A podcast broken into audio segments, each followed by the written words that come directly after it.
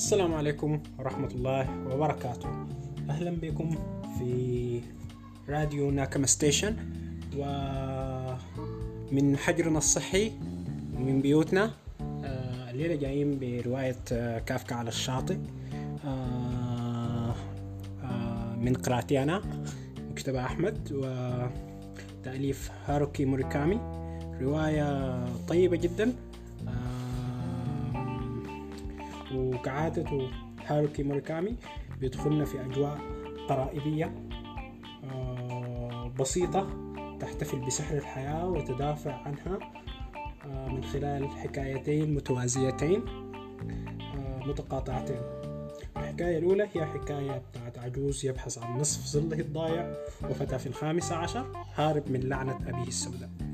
وبينهما عوالم ومدن وشخصيات. ورحلات شبه ملحمية تدور جميعها حول البحث عن الحب ومعنى الحياة وقيمة الذكريات.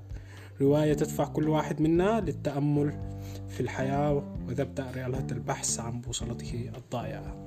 الرواية ترجمة آم، آه، إيمان رزق الله ومراجعة سامر وهواش المركز الثقافي العربي.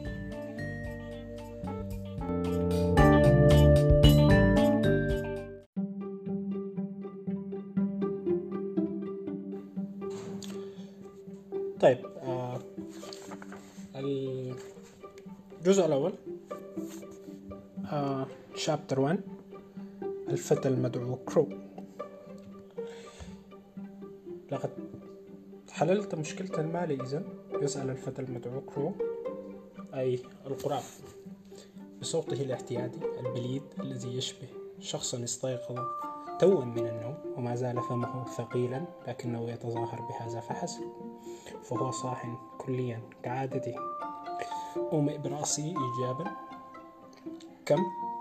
أراجع الرقم في ذهني. حوالي 400 ألف ين بالإضافة إلى ما يمكن سحبه من ماكينة الصراف الآلي أعرف أنه ليس مب- بالمبلغ الكبير لكنه يكفي في الوقت الحالي. ليس سيئا في الوقت الحالي يقول الفتى المدعو كرو. أومئ مجددا. أحسب أنك لم تتلقى هذا المبلغ هدية ميلاد من بابا نويل أجيبه. صحيح. يبتسم كرو بتكلف. ويحيل نظره في الغرفة. أرى أنك بدأت بنبش الأدراج. أليس كذلك؟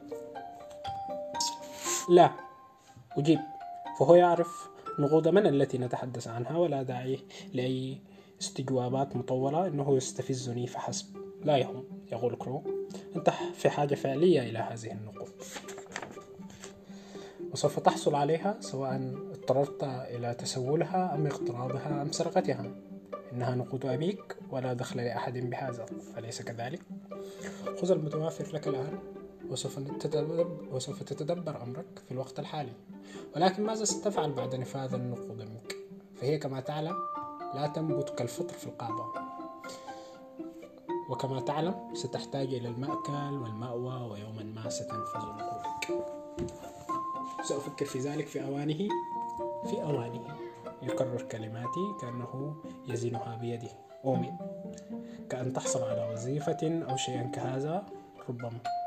يهز كرو رأسه. أتعلم؟ لا يزال أمامك الكثير لتتعلمه عن الحياة. أسمع. أي وظيفة يمكن لفتى في الخامسة عشر أن يحصل عليها؟ في مدينة بعيدة لم يذهب إليها من قبل قط. متعجبا. أنت لم تنهي تعليمك حتى. من في اعتقادك سيرضى بتوظيفك؟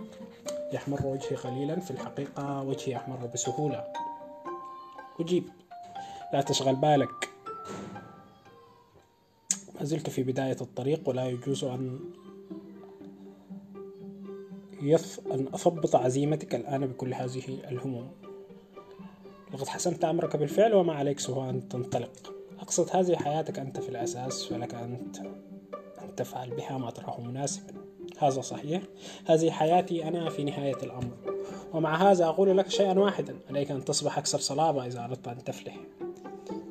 إنني أبذل قصارى جهدي وأنا واثق من هذا. فقد ازددت صلابة خلال السنوات الأخيرة. أعترف لك بذلك. أمي ثانية. ولكن لنواجه الحقيقة. أنت ما زلت في الخامسة عشر. يتابع كرو وقد بدأت حياتك للتو وهناك آلاف الأشياء في العالم التي لم تراها من قبل. أشياء تفوق خيالك. كعادتنا نجلس متجاورين على الأريكة القديمة في مكتب أبي يحب كرو هذه الحجرة المحتشدة بالأشياء الصغيرة. يلعب الآن بثقاله ورق زجاجية على هيئة نحل. لكن لو كان أبي في المنزل فمن المؤكد أن كرو ما كان ليقترب من هذه الحجرة. لكنني يجب أن أرحل من هنا. أقول له ما من سبيل آخر. نعم أحسب أنك مصيب. يعيد كرو وضع ثقالة الورق على المكتب ويشبك يديه خلف رأسه. وهذا لا يعني أن الهروب هو الحل لكل شيء. لا أريد أن أفسد عليك خططك لكنني لو كنت مكانك فلن أهرب من مكانك هذا. مهما ابتعدت فلن تحل المسافة شيئا.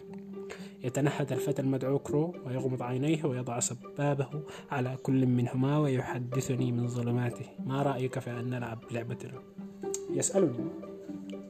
أجيب وهو كذلك. أقولها وأغمض عيني وأخذ نفسا عميقا. تخيل عاصفة رملية رهيبة ولا تفكر في أي شيء آخر. افعل كما يقول. أخرج من دماغي كل شيء آخر حتى أنني أنسى من أكون. أصبح صفحة بيضاء وحينها تأخذ الأشياء في الطف. وحينها تأخذ الأشياء في الطف. على السطح أشياء في وسعنا. نحن فقط هنا على هذه الأريكة الجلدية القديمة في مكتب أبي رؤيتها القدر أحيانا كعاصفة رملية صغيرة. لا تنفك تغير اتجاهاتنا. يقول كروب القدر أحيانا كعاصفة رملية صغيرة لا تنفك تغير اتجاهاتها. وأنت تغير اتجاهاتك لكنها تلاحقك. تراوغها مرة بعد أخرى لكنها تتكيف. وتتبعك. تلعب معها هكذا مرارا. كرقصة مشؤومة مع الموت في الفجر. لماذا؟ لأن هذه العاصفة ليست شيئا يحب فجأة من بعيد. ليست شيئا لا يمت لك بصلة إنها أنت إنها شيء ما في داخلك. وكل ما عليك فعله هو أن تستسلم لها. أدخل, أدخل إليها مباشرة. أغمض عينيك وسد أذنيك حتى لا تتسلل الرمال إليهما. وسر في العاصفة. خطوة بعد خطوة. ليس من شمس هناك ولا قمر. ولا اتجاهات ولا إحساس بالزمن. فقط دوامة من الرمل البيضاء الناعمة تصعد إلى السماء كعظام مطحونة. هذه هي العاصفة التي عليك أن تتخيلها وهذا بالضبط ما أفعله. أتخيل قمعا أبيضا يرتفع إلى أعلى كحبل سميك. أغمض عيني بقوة وأسد أذني حتى لا تتسلل الرمال إلى داخلي. بثبات تدنو العاصفة الرملية مني أشعر بالهواء يلفح بشرتي. ستبتلعني العاصفة حقا. يضع الفتى المدعو كرو يده على كتفي برقة فتتلاشى العاصفة. من الآن فصاعدا ومهما حدث لابد من أن تصبح أقوى. أقوى فتى في الخامسة عشر في العالم كله. هذا سبيلك الوحيد لكي تنجو ولكي تصير هكذا عليك أن تكتشف ماذا يعني أن تكون قويا وتفهم هذا؟ أبقي عيني مغمضتين ولا أجيب. كل ما أرقب فيه أن أقط في النوم على هذه الحالة. يداه على كتفي أسمع رفرفة واهنة لأجنحة. سوف تصبح أقوى فتاة في الخامسة عشر في العالم. يحبس يحمس كرو بينما أقفو وكأنه ينقش الكلمات على جدار قلبي بوشم أزرق داكن. وعليك أن تنجو. عليك أن تنجو وسط تلك العاصفة الباطشة. الميتافيزيقية الرمزية. بغض النظر عن متى ميتافيزيقيتها أو رمزيتها الخطأ ممنوع. ستقطع العاصفة اللحم كآلاف النصال الأنصال. كآلاف الأنصال وسينزف الناس هناك. وستنزف أنت أيضا. ستنزفون جميعا دما أحمرا حارا وستتلقف أنت هذا الدم بيديك دمك ودم الآخرين. ولحظة انتهاء العاصفة أن تتذكر كيف نجوت منها. لن تتذكر كيف تدبرت أمرك لتنجو. ولن تدرك هل انتهت العاصفة أم لا. ستكون متيقنا من أمر واحد فقط. حين تخرج من العاصفة لن تعود الشخص نفسه. الذي دخل الذي دخلها.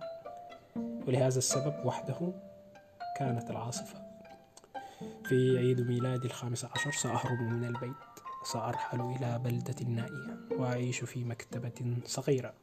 يحتاج سرد الأمر بكل تفاصيله أسبوعا. لهذا أقول فقط العنوان الرئيسي. في عيد ميلادي الخامس عشر سأهرب من البيت وأرحل إلى بلدة نائية وأعيش في مكتبة صغيرة. قصة تشبه القصص الخرافية لكن صدقوني ليست كذلك. أيا يكن تأويلكم لها.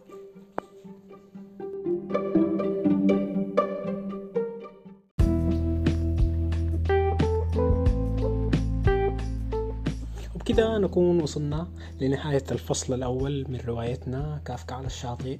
آه آه كل يوم إن شاء الله هيكون عندنا فصل ممكن فصلين.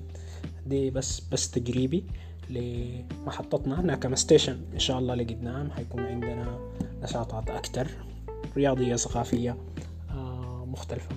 آه آه الآن هنستقبل ال review بتاعتكم كيف ممكن نحسن البث بتاعنا وكيف ممكن آه نقدم حاجة جديدة وأفضل. آه ما تنسوا تكتبوا ال review عن الحلقة بتاعت الليلة أو الفصل بتاع الليلة. آه برضو يا ريت تعملوا share كتير للحلقة وشكرا. ناكاما station